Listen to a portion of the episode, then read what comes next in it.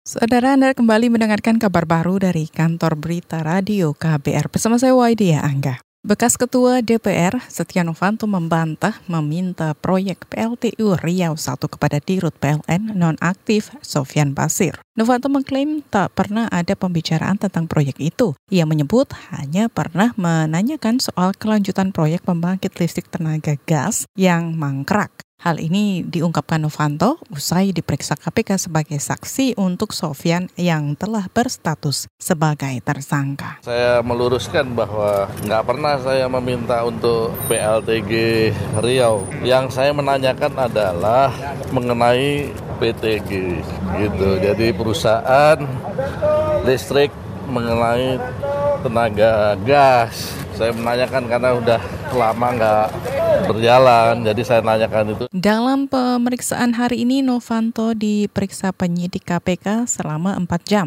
Bekas Ketua Umum Partai Golkar tersebut diduga terlibat skandal suap proyek PLTU Riau 1.